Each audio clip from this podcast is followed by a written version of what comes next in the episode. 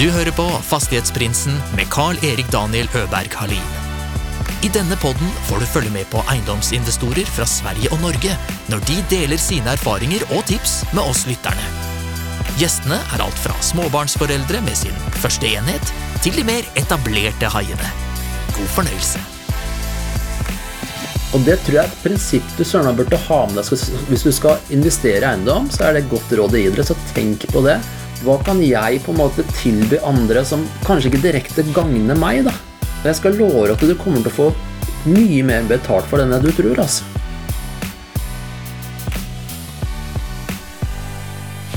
Veckans gjest har kjøpt hus for 100% utgangspriset. Var varit nära på att gå i konkurs, men sitter nu i en position der han er økonomisk oberoende. Då väljer han att göra investeringar som är bra för samhället och skapar möjligheter för ungdomar som han själv saknade. Vi välkomnar veckans gäst, Øyvind Skar! Takk for det. Så, nå sitter vi her.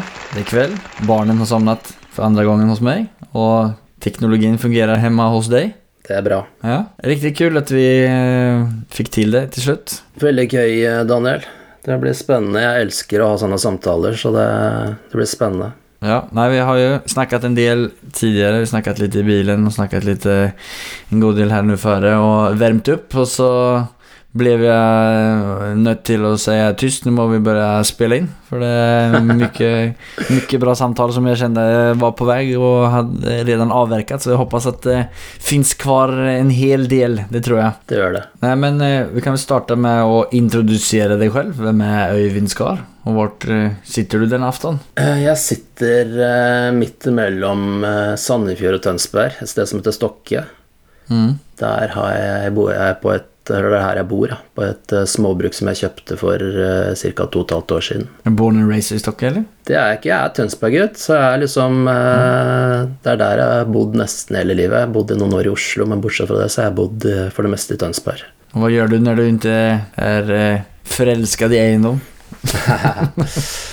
Uh, vet du hva, jeg er veldig glad i dans, blant annet, så så jeg bruker mye tida mi på dans. Det er fett. Hva er det for dans du uh, faller deg til, da? er litt forskjellig, egentlig. Jeg, akkurat nå så danser jeg uh, salsa og bachata går mye egentlig òg. Begynte med swing, da. Det var liksom min vei inn i dansen. Ja. Så jeg dansa mye swing før, men nå de siste åra har det blitt litt mer eh, ja, bachata, kizumba og salsa. Har du en fast partner som du danser eh, alt med eller? Eh? Jeg har ikke noen fast partner. Det har jeg ikke. Nei. Det synes jeg faktisk er veldig Det er noen som har det, men det, jeg syns jo det ble veldig kjedelig. For det, noe av dansen er egentlig det sosiale, å treffe mennesker. Så jeg elsker det hele tida. Og, ja, danse med nye. Nei, men det er noe med, med dansere, tror jeg. Jeg opplever alle dansere dansare som veldig sånn frie sjeler. Ja. Nei, Jeg får i hvert fall utrolig mye glede ut av dansen, og jeg syns det, det gir meg utrolig mye. Så det tar opp største delen av din tid? Ja, og så har jeg en deltidsjobb. Jeg jobber på treningssenter. Så det bruker jeg også mye tida mi på. Så jeg er veldig glad i egentlig å bruke kroppen sånn fysisk. Det er egentlig alt, sånt, alt som ja, fysisk, om det er å drive med dans eller trene eller gå turer og Så jeg jeg er glad i å være aktiv, da. Det har alltid vært. Men så det, du sa at det er en deltidsjobb og så du har liksom huvudfokuset er eiendom da, eller? Ja, det har vært det fram til nå i hvert fall. Nå er det jeg, jeg, Det driver nok og endrer seg litt nå, for jeg har eh, den gården jeg har kjøpt, da, der har jeg store planer og store visjoner for den, for den gården. Der du bor i da? Der jeg bor nå, ja. Min reise i eiendom begynte jo for ca. 20 år siden. Ja. Og det har vært en fantastisk reise som har uh, gitt meg både mye hodebry, men også veldig mye gøy. Ja. Og det har, gjort meg, det har gitt meg så utrolig mye, egentlig. Både i materialistiske ting, økonomisk frihet, eh, som jeg er veldig takknemlig for i dag. Uh, jeg er litt spent egentlig på veien videre nå, for at uh, om jeg kommer til å være like aktiv i eiendom nå, det er jeg ikke så sikker på etter at jeg kjøpte den gården. For det, det er som sagt den jeg har lyst til å drive med nå videre. ja, men det blir spennende å gå inn mer detaljert inn i det. Du startet din resa i 2001 og nu eh, sitter du 20 år senere og revurderer hva du skal gjøre framover. Men kan du på 20 sekunder summere hva du har gjort från eh, den tiden fram til nå? Ja. Nei, jeg starta jo som sagt da i 2001. Da hadde jeg tenkt på å, å investere eller kjøpe meg eiendom i syv år. For jeg, jeg holdt på å kjøpe meg en første eiendom med leilighet til meg sjøl i, i, i 1993. Og da og de som eh, husker helt tilbake den tida, der veit at det, da eh, Norge hadde jo vært igjennom en bankkrise litt tidligere, og jappetida, som vi kaller det. Så prisene den gangen var jo egentlig veldig lave, men jeg syns det var dyrt den gangen. Så det endte jo med at jeg ikke kjøpte, og det har jeg Ja. angra på veldig mange ganger etterpå. Men det endte jo da at jeg kjøpte da i 2001 isteden. Og jeg husker så godt at når jeg kjøpte i 2000, tenkte jeg at fy fader, hva har jeg gjort? For jeg syns jeg hadde kjøpt vanvittig dyrt. Men i dag når vi ser oss tilbake igjen, da, så var jo det liksom det Herregud, det var jo bare kjempe Det var jo bare å komme seg på inn i eiendomsmarkedet. Og det syns jeg er litt spennende å se i dag, for at når jeg ser rundt meg nå i eiendomsmarkedet, så syns jeg igjen at det er veldig dyrt. Men jeg husker igjen at det, det, har, jeg, det, har, det har jeg opplevd så mange ganger tidligere òg, så jeg tror vi kommer til å si det eh, samme om, nye, om i, to, i 2030 igjen, da. Jeg husker så godt jeg hørte på et um, Jeg vet ikke om det var på YouTube eller hvor, altså, hvor Olav Thon snakka om eiendom. Og det var så kult å høre på han, for at han er jo ikke Han var ikke noe redd for at, at det var liksom At nå er vi liksom at det, er, et- at, det, at det er veldig dyrt nå, at det er, at det er skummelt å gå inn i eiendomsmarkedet. For det, han sier at det, sa vi akkurat det samme i 1950 og 1960 og alle år oppover, liksom. Ja, man skal lyssna på han. Han, har- han har jo noen tiår år ja. enn oss andre innom bransjen. Bare sånn liten norske jappetiden. Hva er det? Ja. Jappetida, det jeg husker fra jappetida, var at det var, penger ble nesten kasta etter deg. da. Det var veldig lett å få lån i banken, og du fikk det skulle liksom uh, uten noe særlig sikkerhet, og det var um, det var mange mennesker som på en måte kanskje så veldig ut som at de hadde eh, veldig god økonomi, men så hadde de egentlig ikke det, for det var jo penger de hadde lånt i banken. For det var så enkelt å låne penger den gangen. da. Så de som skjønte hva man skulle bruke lånene til, hadde det bra. Ja, de gjorde det kjempebra, men det var veldig mange som fikk lånt penger. Og det, det igjen det der tilbake med, med lån som jeg, og gjeld Som jeg Jeg elsker jo gjeld. For jeg veit på en måte at når du har skjønt noen prinsipper rundt gjeld, da, så er jo gjeld egentlig et utrolig fint verktøy. Ja. Men problemet er at hvis veldig mange mennesker som får lånt mye penger, da, og som kanskje ikke helt skjønner åssen hva skal jeg si, hvordan du, hvordan du bruker det verktøyet, da, da kan jo gjeld skade deg veldig. For det er veldig mange som bruker gjeld på personlig forbruk og istedenfor å få de pengene bare til å vokse og bli større. Men er det noen spesiell sak som du Noe tilfelle du tenker på som du skjønte det, eller som du har fått utnyttet det bra? Du, det tror jeg kommer litt sånn gradvis. For at det, det, fra å være Jeg er liksom vokst opp med at gjeld er skummelt, da. Og det er om å gjøre å betale ned gjelda så fort som mulig. Ja, men det samme er Og- min oppfatning. Og målet, målet for veldig mange er jo å bli gjeldfri. Det, det, det er absolutt ikke mitt mål, er ikke å bli gjeldfri. Nei, ok. Men målet mitt er helt til å ha et sted hvor du har en balanse i gjelda di, da, hvor du på en måte har kontroll på det. For det er eh, gjeld det er som sagt det er et eh, verktøy som, som både kan gagne deg og gjøre deg eh, ja, Som kan hjelpe deg å, i, eh, til å gjøre fantastiske ting, men også kan skade deg. Og ende med at det går konkurs, kanskje. Og, ja, Har du vært nære på å gjøre det? ja okay. jeg. Har vært veldig nære. Okay. Det lærte jeg igjen av. og Det er det, det er det som er så Å komme i sånne situasjoner er jo utrolig vondt. Når du står der, og kanskje sånn som jeg, da, som har brukt lang tid på å bygge meg opp og um, har fått, hadde ganske mye eiendom, og så holdt jeg på å miste alt sammen. Når var det her, da? Det var, eh, det var i 2008, finanskrisa. Ja, det var, så det var av finanskrisen som du holdt på å Vet du hva, det var egentlig eh, mange ting som spilte inn. Både at jeg eh, Jeg hadde jo drevet da firmaet mitt i åtte år. Mm. Som, hadde, som, som bare vokste og vokste og gikk veldig bra, egentlig. Tjente veldig bra med penger. Hadde masse kunder, hadde masse jobb. Og ting gikk bare liksom opp, opp, opp. Men så er det litt sammen at det er ingenting som vokser i himmelen. Det lærte jeg jo da. Ja. For da plutselig så skjedde Én ting var at finanskrisa kom, og da veit du at bankene de bare lokket jo igjen alt. Det var nesten umulig å få låne penger. Så da var jo cash is king i alt jo da, rett og slett. Og det hadde ikke jeg. Da sto jeg oppe i et eh, prosjekt som, eh, med firmaet mitt da, som ikke gikk bra i det hele tatt. Som gjorde at jeg egentlig trengte å låne penger. Men da ville jo ikke banken Det var umulig å få lånt penger. Selv om jeg hadde egentlig gode eiendomsprosjekter og sånn, selv da så hadde god cashflow på de eiendommene, selv da så var det For bankene har bare sagt stopp, liksom. Så det jeg lærte da, var jo det at det alltid, når du alltid har likviditeter, eller penger som du kan få, er lett tilgjengelig. Mm. En sånn tommelfingerregel er vel egentlig at du skal ha 20 av av, av alle verdiene dine burde ha i, i, i noe likvid da, som det er lett å få ut cash. Har du noe eksempel på det? Altså type av likvid, altså du mener kontanter eller mener aksjer? det enkleste liksom? er jo å ha det i banken på en konto.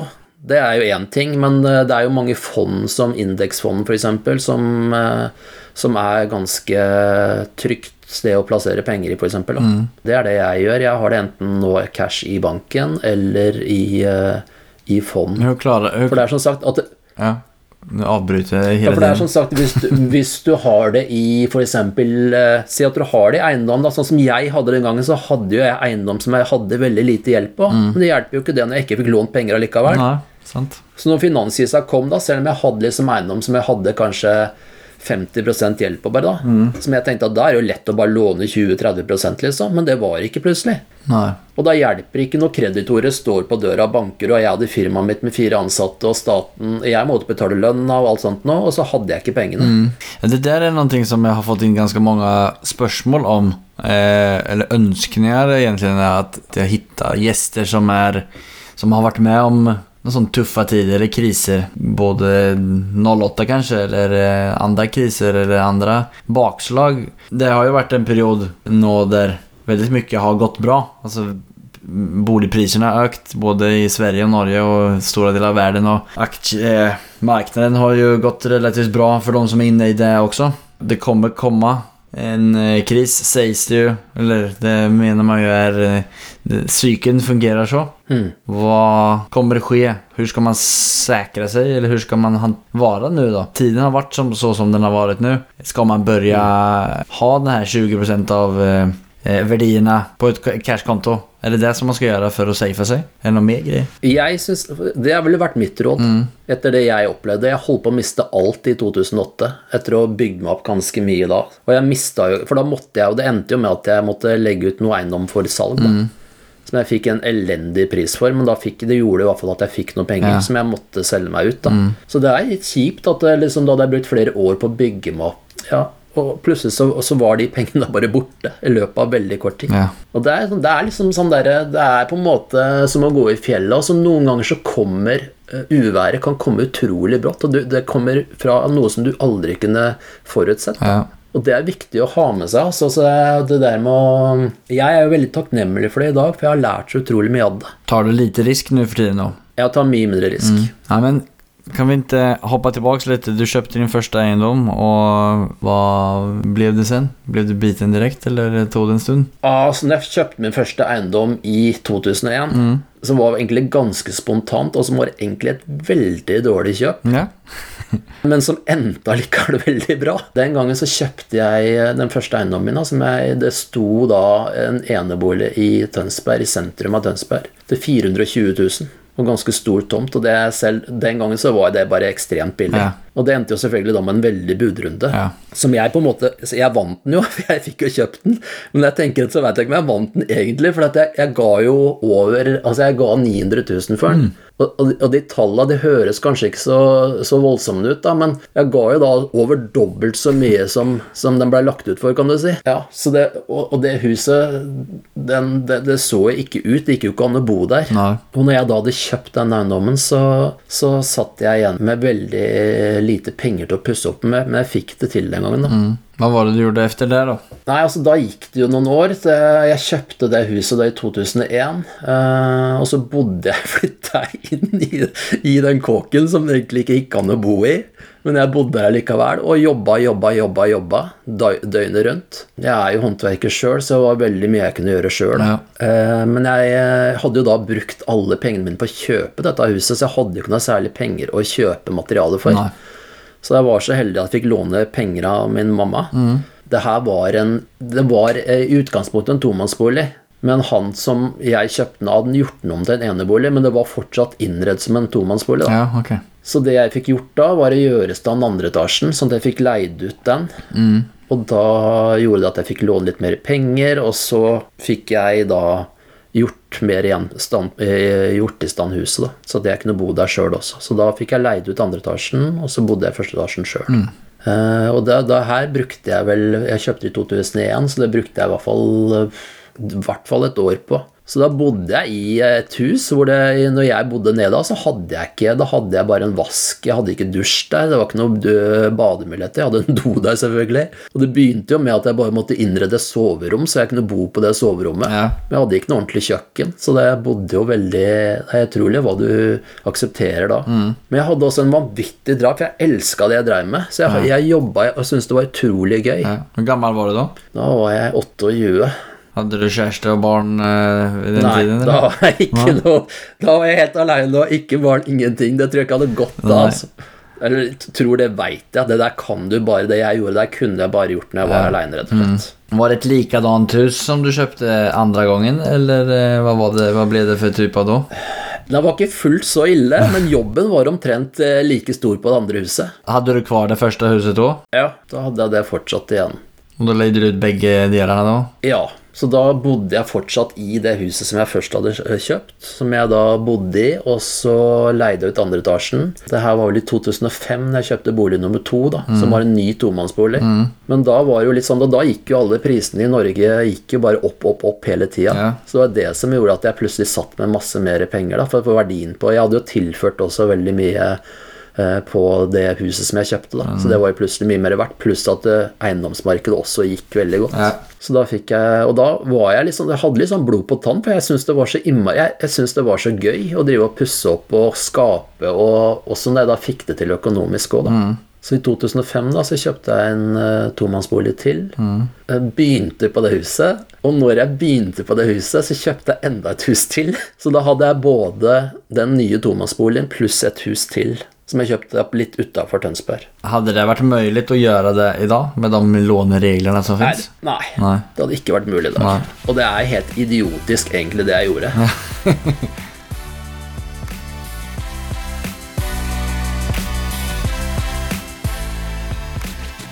I dag så skjønner jeg egentlig ikke Jeg hadde sikkert en plan med det en gang, men det var veldig jeg bare utro, veldig dumt, da. Ok, hvorfor det? Jo, fordi at jeg sitter da Da satt jeg plutselig med to boliger som jeg Jeg hadde jo planlagt at jeg skulle gjøre alt sammen sjøl. Ja. Og det gikk ikke. Jeg kom eh, et godt stykke på vei med den nye tobogangsboligen jeg kjøpte, men så gikk jeg rett og slett på en smell. Så fra å ha masse energi til å jobbe hver dag, eh, hadde full jobb ved sida, Ja. Og hjem og da jobba om kveldene, jobba hele helgene og syntes det var kjempegøy. Fra at jeg syntes det var kjempegøy, til at jeg syntes det var helt pyton, gikk bare ekstremt fort. Okay. Og da satt jeg, da var jeg i gang med å restaurere den tomannsboligen, pluss en enebolig som jeg også drev med litt ved sida. Ja. Og da ble det skummelt, altså, for da satt jeg jo da med Da hadde jeg ikke noe særlig inntekter på dem, selvfølgelig. Eh, pluss at jeg Det farligste var jo det at jeg begynte At jeg var så innmari pluss fra å ha en vanvittig drive da, Mm. til å drive og holde på på de boligene, så, så var det veldig motstand. Mm. Og midt oppi dette her, så den, da jobba jeg i et uh, entreprenørfirma som heter Peab, som hadde et prosjekt her i Tønsberg, som jeg jobba i da. Ja. Eh, og dem valgte å trekke seg tilbake til Oslo igjen, så de sa at hvis du vil fortsette hos oss, så vi vil gjerne det, men da må du eh, bli med til Oslo. Og det, det var jeg ikke interessert i, og det hadde ikke gått heller med det når jeg hadde de ene kjøpt det jeg hadde kjøpt. Så da endte det heller med at jeg fant ut nei, jeg starter for meg sjøl. Midt i, midt i din eh, energi, energisdipp. Ja. Ja. Og det høres jo helt galskap ut, Ja. men det, det gjorde jeg. Så da jobba jeg da Da hadde jeg ikke Da jobba jeg jo hele dagen òg, da. Da hadde jeg jo ikke noe jobb lenger, kan du si. Nei. Selv om jeg fikk, jeg fikk den smellen, så, så, så, så, så greide jeg fortsatt å Jeg fortsatte jo å, å jobbe, men jeg hadde liksom ikke Det var mye mer ork å komme seg opp. Ja, okay. Det var sånn der, Tidligere så hadde jeg gleda meg liksom, til å stå opp om morgenen. Og jeg spratt bare ut av senga og begynte å jobbe. Den motivasjonen var ikke like stor. Det var mye mer sånn at jeg måtte ordentlig ta meg i nakken og komme i gang. Var det fysisk liksom, som gjorde at du havna i den dippen, eller hva, hva du Nei, det var kun med, det var mentalt. Ja. Det var bare at jeg var, jeg var liksom bare veldig lei. Okay. Jeg hadde ikke lyst lenger, liksom. Det var ikke noe gøy lenger. Du så ikke Det var sånn altså, den ekonomiske liksom, gevinsten eh, som du potensielt skulle få når du var ferdig og kunne leie det ut? Nei, det var liksom ikke det. Det hadde jo drevet meg før, da. Men så plutselig så den var, eh, Det var plutselig ikke noe Den driven var mye borte, så var, det var bare på en måte selvdisiplin som drev meg. Ja. Og det også, det er sånn er tegn for meg at når selvdisiplin, det kan jeg gjøre en stund. Det kan, jeg, det kan jeg godt drive med en stund, men det er ikke noe som er varig over lengre tid. Det er som på en måte Hvis du er ute og løper, da, så kan du begynne å spurte, men du veit at du spurte, det kan du bare greie over en viss periode. Du greier ikke å spurte i timevis, liksom. Du kan spurte, og det er sånn det er med meg når jeg kommer til det punktet at jeg, jeg, må gjøre ting. Så kan jeg bruke selvdisiplinen min, og så, kan, så greier jeg det en kortere periode. Men over tid så greier jeg det ikke. Gikk du til veie her, da? Nei, det som var sprøtt da, at da tilfeldigvis da, så kom jeg borti en polakk. Ja. Han jobba For da Jeg starta for meg sjøl. Og så begynte jeg jo da å få jobber, og så var han, skulle han flislegge et bad som jeg hadde En jobb hvor jeg hadde, da. Hvor jeg kunden sjøl skulle ta seg flislegginga. Jeg hadde bare tømrerarbeidet. Og så hadde, fikk vi så utrolig kjemi. Jeg og han polakken. Og så viste det seg at der, de arbeidsforholdene han jobba under, de var ikke så veldig bra, for å si det sånn. Så det endte med at jeg ansatte han. Okay. Og det var noe av det beste jeg noen gang har gjort. Tror jeg. Ja. For det ene så hadde vi en veldig god kjemi, og så er han også en veldig dyktig håndverker og en utrolig herlig person. Ja. Og det gjorde igjen at jeg kom meg litt sånn overpå igjen, bare det for å For jeg er jo vant til å gjøre Jeg var jo aleine hele veien, kan du si. Helt fram til nå så hadde jeg gjort alt aleine, da. Ja. Hadde alltid stått Alt jeg gjorde, gjorde jeg aleine. Ja. Men bare ha med meg han, og at vi på en måte gjorde ting sammen, og det, det sosiale i det, på en måte, Mm. det gjorde at jeg fikk tilbake den driven igjen. da. Ja, så spennende. Du starta ditt selskap og fikk inn en kollega og fikk gasen i botten og ni fick pusse opp alle de, eller de to husene som, ni, som du hadde kjøpt. Ja. Bodde du i noen av dem da, eller leide du ut de? Jeg bodde da i det første boligen som jeg, den aller første som jeg kjøpte i 2001. Og så leide jeg da ut andre etasjen i den boligen. Den nye tomannsboligen som jeg da kjøpte, den fikk jeg da satt i gang og leide ut. Og det er samme med den eh, andre boligen som jeg, som jeg kjøpte da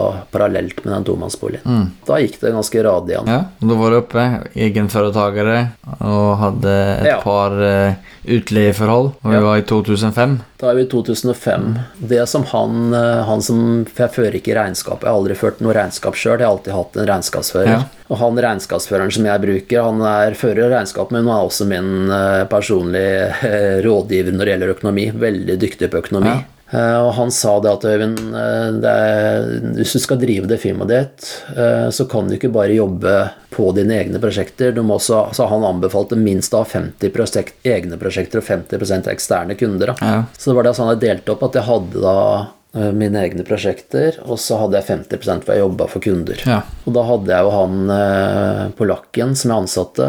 Og så gikk det ikke lange tida før eh, han hadde en kamerat i, Polen som han lurte på om jeg var interessert, og om han kunne starte hos meg, han også. Og det endte med at han Det sa jeg ja til, at han kom opp. Så da ble meg pluss de to, da. Mm. Så da fortsetter vi egentlig. Da var det vel neste prosjekt det var en ny tomannsbolig igjen. Ja, det er fortsatt like lett å låne, ta lån. Ja, da var vi i 2005-2006. Det, var før- det var før finanskrisa i 2008. Så da ble det en ny tomannsbolig. Eh, samme greiene der, egentlig. Et veldig sånn prosjekt hvor eh, beliggenheten var kjempegod, og jeg så kjempepotensial i den boligen, men veldig mye jobb. Det var en sånn jobb hvor, eller et sånt hus hvor eh, Ja, det endte jo med at jeg var totalrehabilitering, da, med eh, skifte alle vegger, kledning, etterisolere, nye vinduer. Alt innvendig. Brannskiller og Ja, så det er eh, veldig store mm, eller mm, eiendommer hvor det måtte gjøres veldig mye. Så jeg fikk det jo til relativt greie priser, men eh, det blir dyrt allikevel når du må gjøre så mye som jeg, som jeg gjorde da. Og jeg, jeg, greier ikke å gjøre ting halvveis. Nei. Jeg har så mye yrkesstolthet at eh, jeg må gjøre det fra bånn av og gjøre det ordentlig, liksom. Og da, da blir det dyrt, og da, da er det ikke så ofte at det, det, det tar lang tid før du får igjen på en måte for det arbeidet du legger i først. I, ja. Mm, for grundig nesten for uh, Blir for grundig, rett og slett. Det er, eh, det er en veldig er, I dag sitter jeg og, og, og høster frukten frukten av det jeg gjorde i 2005, da. Men det er 15 år siden. Men nå sitter jeg og virkelig har igjen for det. Ja. En sak som jeg tenker på som ikke har med det å gjøre, utan det var bare jeg kom og tenke på det eh, igjen nå, at eh, den situasjonen som var med lån da, eh, det var veldig enkelt å få lån, og man kunne låne på eiendommene og, og, som, og bruke dem som sikkerhet på et annet sett enn hva man kan nå også. Om du hadde startet om nå, du har den erfarenheten du har om du skulle ha, si du har 500 000, og hva, hva gjør du da? Hadde det vært ens mulig å skape så stor eiendomsverdi så fort i dag? Eller er den eh, lånesituasjonen eh, helt avgjørende for at man skal klare av å eskalere så fort? Jeg, jeg, jeg er helt sikker på at det går an i dag også. For det, det, det er igjen det som jeg har sett, at det, hver gang når jeg har investert, så, så har det vært tøft da, altså. Men det har bare vært andre utfordringer enn det som er i dag. I dag er det kanskje finansiering som er det vanskelige, da. Jeg husker når jeg, hver gang jeg har kjøpt, så har alltid Det har ikke vært bestandig det har vært så veldig enkelt da heller. Og det skulle jeg starta igjen på i dag, så tror jeg det egentlig handler om å Altså, Det er veldig viktig å komme i gang, selvfølgelig, men det er også veldig viktig å bruke tid på å lære seg i førsten. Eh, ved å skaffe seg kunnskap, enten ved å lese seg opp på det, eller eh, ta kontakt med mennesker som har erfaring. Da. Eller så anbefaler jeg egentlig også å mm, komme i gang. For altså, prinsippet er det samme med eiendom. Altså om, om du gjør det med et lite prosjekt eller stort prosjekt. Altså Prinsippet er det samme. da. Jeg har egentlig en ting som jeg lærte meg helt siden jeg var liten, og jeg panta alltid flasker. Alltid veldig, og jeg, vi, når jeg var liten, så hadde ikke, hadde veldig, vi hadde ikke så god økonomi. Jeg, aldri, jeg fikk ikke noe ukelønn, eller, så jeg greide meg veldig tidlig sjøl. Og jeg begynte faktisk med med å pante flasker. Ja. Og så etter hvert så Jeg veit ikke når jeg skjønte det, men jeg skjønte det at eh, altså du, du, aldri, du kan aldri bli rik av panteflasker. Det er på en måte når pengene begynner å jobbe for deg igjen. Det er det, er det du må investere. Når skjønte du det, da? Jeg tror nok ikke jeg skjønte det ordentlig før jeg, hadde, før jeg begynte å leie ut. Den første eiendommen jeg kjøpte, den jeg leide ut til andre etasjen. Og så gunstig det var. Og da få den leieinntekten som oppåtil den gangen var skatt, eller som også nå da er skattefritt når du bor i den største delen sjøl. Du kan jo ikke begynne å investere før du har noe å investere med. Nei. Så du er nødt til å begynne enten å få deg en jobb eller et eller annet, sånn som jeg som begynte på å plukke flasker. Det, prinsippet er det samme. Å pante flasker er det samme. Du bytter tida di mot, mot noe som gir deg penger. Altså det, er, det er det samme du gjør når du jobber et, eh, for noen. Ja, men man har skaffet seg all eh, kunnskap, da, hva, det, hva hadde man gått Ja, Da er det bare å komme seg ut og bare begynne. Og da er det egentlig eh, ikke noe fasit, for eh, da må du stole på deg sjøl, rett og slett. For det er veldig Det er lurt å høre på andre eh, og, og, og høre på gode råd fra de som har vært og sånn, men det viktigste er at du kommer i gang sjøl, altså, for det er da du virkelig lærer. Vi snakket litt om det tidligere. Det er jo ingen av dem som jeg har intervjuet fram til nå som har helt lik strategi eller helt lik eh, åsikt om alt. Og det er jo, altså interesse er jo en stor del av det også, har jeg inntrykk av også. Det er noen som går i gang på å flippe. Det er noen som eh, elsker å ta hand om leietakerne og eh, liksom bare leier ut. Spiller det inn, tror du, mye når man vel kommer i gang, at man finner liksom sin nisj? Det tror jeg er helt avgjørende. Jeg tror, jeg, jeg tror det er det som skiller de som får det til, og de som ikke får det til. For du er nødt til å finne noe som, gir, som du syns er gøy, og som, som Du må ikke prøve å kopiere hva andre gjør. Du må finne ut hva som er riktig for deg, og det, og det kan du aldri finne ut før du har prøvd det. Så du må ut og teste ting. da. Jeg har jo testa masse, og jeg har liksom endt opp med det som har passa for meg, men jeg, herregud, jeg har prøvd så utrolig mye forskjellig, og jeg endte opp med, med ting som jeg ikke hadde trodd, liksom. Og det, jeg tror det er så, For det er som jeg sa i førsten, at har, sånn som den driven som jeg hadde i førsten, den var jo bare helt vanvittig, altså. For jeg elska Jeg gjorde det egentlig ikke for pengenes skyld, jeg bare gjorde det for jeg syns det Jeg elska å skape og få det til. Og, og Ja, det hadde vel noe med Jeg veit ikke, den egenfølelsen min. Jeg følte meg så utrolig Jeg veit ikke, det er, det er vanskelig å forklare det, faktisk. Skape og realisere noe, kanskje? Ja. Jeg syns bare det var så gøy. Det er liksom som når jeg ser på sønnen min, han elsker å spille dataspill. Ja. Og sånn var det for meg å drive og snekre på kveldene. Jeg syntes det var like gøy. Jeg gjorde det ikke. ikke jeg kunne, selvfølgelig var det Det er jo motivasjon at du får penger, og at du ser at det blir verdier. Mm. Det, det er motivasjon, det, men det, jeg, hadde, jeg hadde gjort det, for jeg, jeg syntes det var så gøy. Og det, jeg sa i begynnelsen, da når du begynte å spørre meg først hva jeg driver med, sånn når jeg ikke driver med eiendom, så driver jeg med dans, og det er akkurat det samme. Jeg driver med Dans driver med jeg fordi jeg syns det er så gøy. Det er lidenskap, rett og slett. Og det er eiendom også, og da er det så viktig at du finner det Du må finne det du liker innenfor eiendom. Det kan du ikke finne ut før du har prøvd. Vad blev ditt nästa steg då efter du sålde, sålde eiendommen gratis och du hade slickat dine dina sår färdigt? Ja, da var det mest fokus igjen på firmaet mitt, som gikk bra. da. Og jeg satt jo fortsatt igjen med tomannsboligen og en enebolig. Mm. Nei, så fortsatte jeg og, og og gjorde det veldig bra. Og det, den finanskrisa gikk jo for så vidt relativt fort over. Når vi kom ut i 2009-2010, så var jo liksom eh, Da gikk det på skinner igjen. Ja.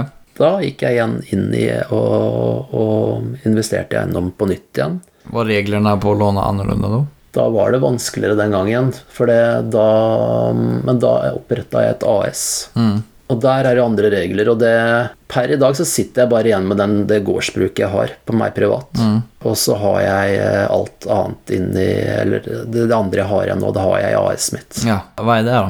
Eh, Det er et hybelhus med åtte hybler, og så har jeg en kombinasjonsbolig hvor jeg har eh, noe Det er på en måte et slags eh, kollektiv for pendlere. Og så har jeg containerrigg og sånt og det ligger i et et industrifelt, egentlig.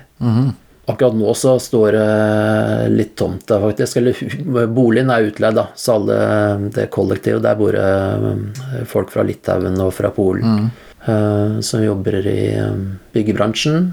Så nå sitter jeg med den eiendommen pluss et hybelhus.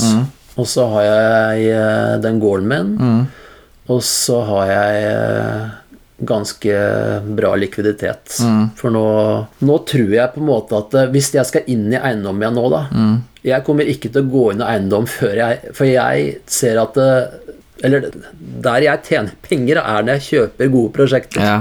For det er noe jeg har lært. Altså det er, jeg har kjøpt så mange prosjekter som jeg på en måte har vært er dødsdømt fra dag nummer én. Altså det er et under at jeg har fått det til. Det er, at- det, det er rett og slett at jeg har vært så dyktig med det med, med, med snekringa og, å utvikle eiendommen. For jeg har kjøpt altfor dyrt. Ja. det lät jo som at du hade lite...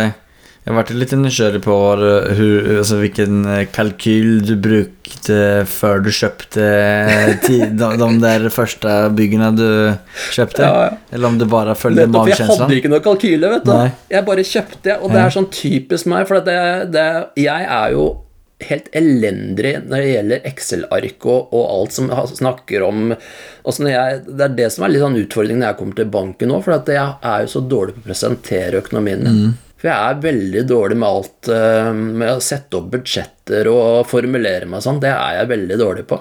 Men jeg er desto bedre da på å jobbe og på å, å finne gode løsninger. Teknisk gode løsninger, da. Det er jeg veldig god på. Har du noen tips for en annen som er dårlig på å presentere eller dårlig på tall når man ska eh, gå og frie til banken? Det er absolutt å finne noen som er gode på det. Også. Enten ha samarbeid med noen, eller leie de tjenestene. Ja, var kan man leie de tjenestene? Nei, da må du bare ut og begynne å spørre, og, og, og, for dette, det også er veldig viktig. Altså, jeg har jo som sagt en som eh, hjelper meg veldig mye med økonomi, gir meg veldig mye råd og hjelper meg mye med det. Uten han så hadde det ikke gått, rett og slett. Og er det noe jeg har lært meg gjennom alle de åra her, som jeg skulle gjort annerledes hvis jeg hadde starta på nytt igjen da, så er det sånn Jeg har alltid gjort ting aleine. Jeg skulle ikke gjort det aleine. Skulle jeg starta på nytt i dag. Og det, det, det, er ikke noe fasit. Det må du bare stelle deg spørsmål sjøl hva som er riktig for deg. Men jeg veit i dag at jeg ikke ville gjort det aleine. Jeg ville gjort det enten ja, Om det har vært én eller to eller tre til, det veit jeg ikke, men jeg skulle i hvert fall ikke gjort det aleine. For meg så er det på en måte litt samme som, som å dra på en ferie. da, altså at eh, Hvis du har en kjempefin ferie, så er det så utrolig gøy å kunne dele det. Det er akkurat som den ferien din blir på en måte større, og sånn er det på en måte, tror jeg, for meg, da, med eiendom. Hvis du gjør et godt kjøp og gjør det sammen med en annen, så er det så kult å gjøre det og dele det. Og det omvendte òg, når det er tøft, da, så er det så utrolig mye når du kan ha noen å støtte deg på og få hjelp til, og som på en måte kan eh, ja, være der og støtte deg når, når ting er vanskelig. Nej, At du ikke må ta helt enig med det der. Jeg känner det, eller resonnerer veldig likt i det. Mat smakar til sammen. Ja, absolutt. Men jeg husker jeg knakk en kode der det, når jeg drev firmaet mitt. Det var når jeg begynte å tenke at, det, at de jeg samarbeida med, de skulle på en måte komme like godt ut av den, dette prosjektet som det jeg gjorde. Det var mitt eh, på en måte fokus. da. Jeg jobba steinhardt for at kunden skulle være veldig fornøyd. Jeg skulle selvfølgelig ha betalt, men det var veldig hyttig for meg at kunden også skulle få, et, eh, få godt betalt for pengene sine. Mm. Og det samme gjelder alle jeg samarbeider med. Det fins jo et saying som er noen i stil med ge så får du. Altså, Visse ganger så kan det jo være svårt å forstå hva det faktisk betyder. Eller er det bare en klyscha som man har jo så, masse sånne der eksempler selv når man vel bør grave at her har jeg jo gjort någonting utan att förvänta mig så mycket tillbaka. Och så kommer det tillbaka på ett annat sätt. Alltså du, det blir ju liksom inte som en ren transaktion. Att jag ger 20 kronor till någon och så får jag 50 tillbaks. Utan det är ju, ja du får ett gott rykte, du får, får mer business. Som vi sen ger, ger många andra positiva saker. Skapar ju også också en eh, mycket trevligare värld att leva i om, om man tänker så. Du, Daniel, det der gir så mening for meg, og det der, for det der har jeg opplevd. da.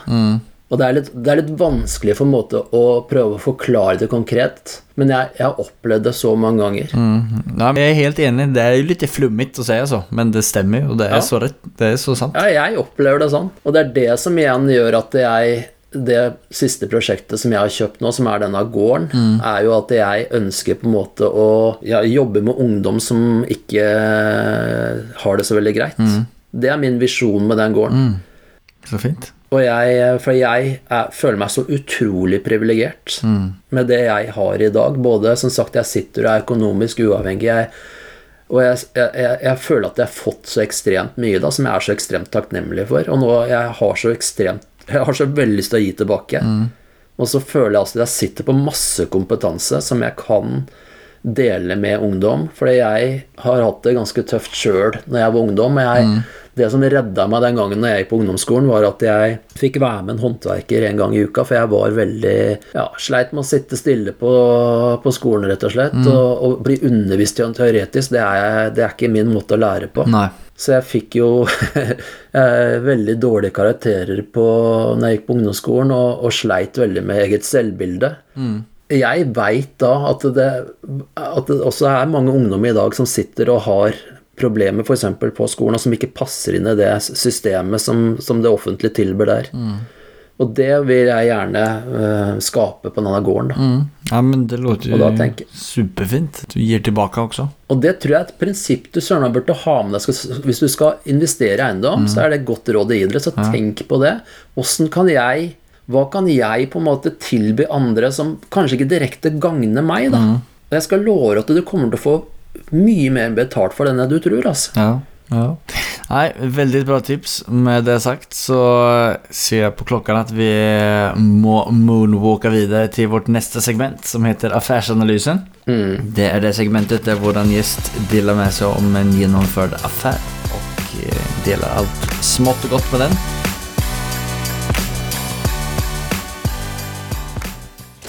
It has not been easy for me. And, you know, I, I started off in Brooklyn. My father gave me a small loan of a million dollars. Affärsanalysen. Har du tänkt eller plockat fram något juicy objekt att dela med dig om? Ja, da har jeg lyst til å presentere sånn der, eh, litt sånn solskinnshistorie for meg, da. For jeg, jeg har jo hatt veldig mange prosjekter som ikke har vært så veldig bra, men det, dette her er sånn at eh, jeg har bare lyst til å si det for å motivere dere at det er mulig, da. For dette er et prosjekt som jeg kjøpte for uh, tre år siden. Ja. Og det, da hadde jeg egentlig bestemt meg at nå er jeg ferdig, liksom. Nå er, nå skal jeg ikke, nå er det ikke eiendom jeg skal drive med. Jeg, må, eh, jeg skal ikke inn i det, liksom. Allikevel så sitter jeg på Finn, da. For det, som jeg, det er der jeg finner nesten alle, alle mine investeringsobjekt. Jeg Har jo vært på det offentlige markedet. Og så sitter jeg og ser på en eiendom som jeg stusser veldig på prisen. Jeg syns den så veldig eh, billig ut, liksom. Den sto, lå ute til 1,9 millioner. Det var en stor enebolig som lå sentralt i Horten. Jeg bare så på den på Finn, og så, og så gjorde jeg ikke noe mer. Og så gikk det noen uker, og så så jeg at den fortsatt lå på Finn. Og så tenkte jeg, så, var tenkte jeg, så tenkte jeg kanskje jeg bare skal dra og se på den, så jeg tok kontakt med megler, og så dro jeg bort og så på den. Og så når jeg kom inn da og så på den, så så, så jeg jo at det var det hadde vært en kommunal bolig, eller det var en kommunal bolig. Så det var kommunen som skulle selge den. Kan han si det? Ja, det sto i Ja, okay. Nei, jeg trodde du så det Ja. på, eh, på bygget eller noe sånt.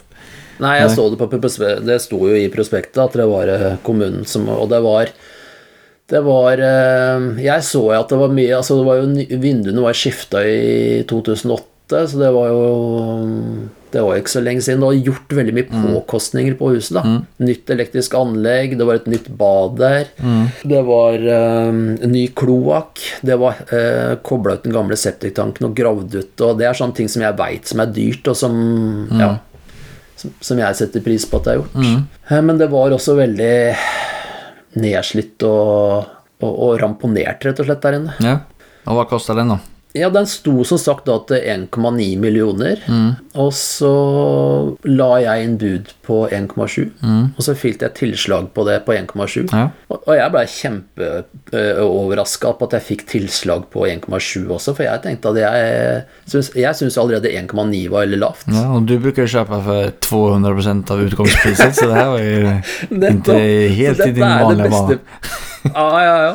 Altså for meg så Da var jeg tenkte at ehm, Og da var jeg veldig i en situasjon hvor jeg også hadde ehm, bra med cash. Eh, for da hadde jeg akkurat eh, solgt et annet hus.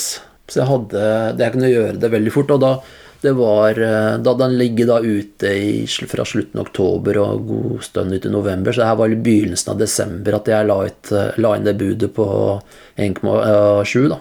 200 000 under takst. Så jeg tror det er masse timing som spilte inn. Jeg tror, er, jeg tror kommunen bare rett og slett blir, blir, blir, blir ferdig med det. Så det endte jo med da at jeg fikk det huset, da. Så det bygde jeg om. Eller da måtte jeg jo rive det meste innvendig. Mm. Og planen med det var å bygge om det til Til eh, en, et eh, kollektiv, egentlig. Mm. For det var en stor enebolig med åtte soverom i, som jeg, når jeg kjøpte det. Men det var veldig Hva skal jeg si? Jeg bygd veldig dumt, egentlig. Du måtte gjennom mange soverom, og det var uh, veldig Ja. Hvor kvadrat var den? 200 kvadrat. Over to plan. Eh, Det var trapp i hver ende innvendig. Det var veldig sånn det, var, det er et hus fra 1800-tallet. Ja. Så det var veldig mye som var klatta på, rett og slett, der inne. Så det, det, det endte med at jeg strippa alt innvendig. Jeg, plukka ned, jeg tok alt innvendig, rett og slett, og, fikk den, og plukka det ned. eh, Og bygde det opp igjen. Eh, Og da blei det nye Så det er åtte soverom der i dag. Eh, Og så har jeg da brann- og lydisolert alle romma, så det er veldig godt sånn lydisolert. For siden jeg tenkte skal det, komme, det bor jo åtte personer der inne nå. Man skal i hvert fall kjøpe hus som du har eit og pussa opp det hör jag. Ja. Så han som fikk plukka opp din, din eiendom i 2008, han var, gjorde et bra kapp. Ja, og det er det som er litt sånn farlig med meg, vet du, for når jeg skal selge, så er jeg, jeg, jeg blir jo så Jeg, jeg syns jo det var så urettferdig å selge til den prisen, husker jeg, for jeg, jeg, jeg veit jo så godt hvor mye arbeid og hvor mye som er gjort i det huset. Ja. Hva leier du ut dessa rummen for? De for fem og et halvt. 5500 i måneden. Er det til, det er til et selskap, liksom, eller er det, Det er, til privatpersoner? det er et, A- nei, det er et AS. Ja, så du leier ut till Mm. Nei, mitt AS eier jo den eiendommen, så jeg leier ut til privatpersoner. ja, det var det jeg mener. Du leier ut til privatpersoner, ok. Ja. For annars, hvordan fungerer det der om du leier ut til et AS? og så er det någon eh, MVA-moms som du Ja. tar i tillegg til det da, eller? Hvis du skal leie ut til eh, kan, Det spørs jo om AS er momsregistrert. Mitt AS, da, som eier eiendommen, er jo ikke momsregistrert, så jeg har jo ikke moms på når jeg leier ut til så leier jeg ut uten moms. Mm. Hvor mye er den eiendommen verd i dag, og hvor mye inntekter har du på den? Eh, Den har vært eh, Siste taksten er nå på 5,4. Ja. Så jeg kjøpte den for eh, 1,7. Mm. Så kosta jeg på 1,7, så det endte jo da på 3,4 millioner. Mm. Og nye taksten da etter at jeg hadde kosta på det, er 5,4. Så jeg fikk tilbake alle pengene mine, kan du si. Så jeg Ja. sitter igjen med den boligen gratis. da. Ja. Pluss at det går jo veldig cash. Det går jo veldig i overskudd. overskudd. Ja. Så det er det beste prosjektet mitt hittil. ja. Sånne vil du ha flere av, kanskje? meg, ja, hvis jeg kommer over sånne prosjekter som det er igjen, så er jeg selvfølgelig interessert. Jeg skal være mye flinkere til å gjøre en god analyse før, altså. Ja. Så lenge det jeg har Du har jo et vinnende konsept så lenge det er under 200% eh, av överköp eller utgangsprisen, så er det jo bare å slå til. Ja, det er et råd jeg ikke vil anbefale. Ja, shit. Ja, det... Men, men, men det som er så kult, Daniel, at jeg tenker at selv om selv det, alle de dårlige prosjektene jeg har gjort da, jeg, jeg sitter jo i dag i en veldig god situasjon, så selv alt det gærne jeg har gjort, så har det vært en veldig bra altså Både økonomisk så, jeg, så sitter jeg veldig godt i det i dag, men utrolig mye kunnskap jeg har nå. Og jeg tror at det, hver gang du gjør noe gærent, det det er på en måte det er en veldig bra ting, for du lærer hver gang. Da. Så jeg, jeg føler at jeg sitter med, ja, med veldig mye kunnskap, rett og slett, fordi jeg har gjort så mye gærent. Da. Ja, nei, men du har jo gjort veldig mye riktig også, og det det er jo noen lite, altså det må jo være noen gemensam nevnere bak det her. Altså du, vi skämtar litt om det at du kjøpte den for 200% av utgangspriset, Men det er jo ja du lærer av den, du, du, du har aldri gitt opp, Så jeg har kjørt på. Nei. Det ju, må jo være det som er en viktig essens å ta med seg. Jeg, jeg tror det er veldig viktig at du stiller deg spørsmål hvorfor gjør jeg dette her, hva er motivasjonen min? For det er igjen på en måte sånn som når du driver med noe fordi at det gir deg som, som du ikke egentlig kan sette et fingeren på hvorfor, du bare syns det er gøy å drive med det, sånn som når jeg driver med dans, da, så er det bare noe jeg liker så veldig godt å drive med. Og hvis du har litt sånn i forhold til eiendom, så, så, er, så da, er jeg, da, er jeg, da er jeg helt overbevist at du kommer til å få det til. Sitter vi og snakker om eiendom halv elleve på en eh, torsdag. Så not, eh, not interesse bør vi ha. Ja, Ja, ja, men superkul deal den där. eh, Den hade varit fint att få kopierat. Nu drar vi oss vidare. Simma vidare till vårt nästa segment som heter Fyra frågor. Det är de Ja. samma fyra frågorna som vi ställer vår gäst.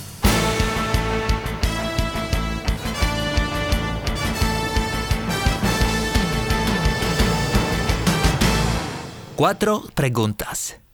Och den första frågan är Vad är det som skiljer från en framgångsrik entreprenör mot den som inte lyckas, slutar eller aldrig kommer igång? Altså, du er nødt til å ta det første steget og tørre å komme deg ut og begynne.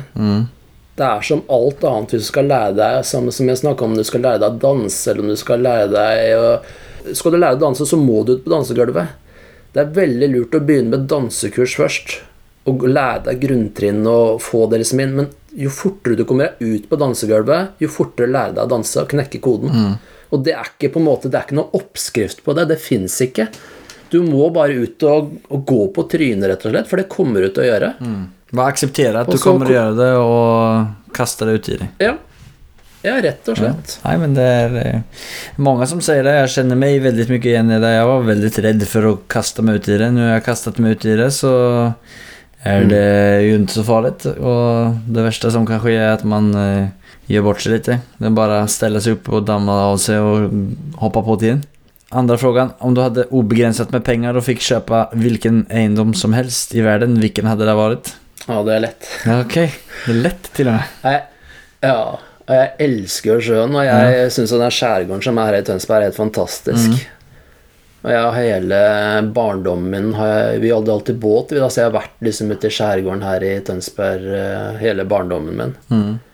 Så da måtte det blitt et eller annet eh, et sted ved vannet ut, eh, ut, utafor skjærgården, utenfor, ut mot Nøtterøy og Tjøme utafor Tønsberg. Og det, det, er drømmen min, og det er en vakker dag så skal jeg bo ved vannet, ved sjøen. Nå bor jeg veldig nære vannet, jeg har gangavstand til vannet, men målet mitt er å bo helt ved vannet. Ja, Simme til jobb. Svømme til jobb. Ja, vilket er ditt beste boktips for en som er interessert i eiendom? Ja. Ja, Det er jo ikke jeg rett person da, som ikke leser bøker. Jeg har lest tre bøker hele livet mitt, og de måtte jeg lære når jeg tok særevne. så måtte jeg lese tre bøker. Ja, så det Så var, jeg- det, var, det var ikke i går, med andre ord? Nei. Nei. Men jeg tror på en måte at eh, Altså, jeg har jo Selv om jeg ikke har lest eh, Rich Dad Poor Dad, så har jeg sikkert eh, sett så mange eh, YouTube-klipp med Robert Kiyosaki, så jeg har skjønt det samme som står i den boka. Den anbefaler jo alle, så det Men eh, jeg Altså, det er eh, jeg lærer jo Jeg leser jo ikke bøker, men det er mange andre måter å lære det samme på, så jeg elsker da å se på YouTube.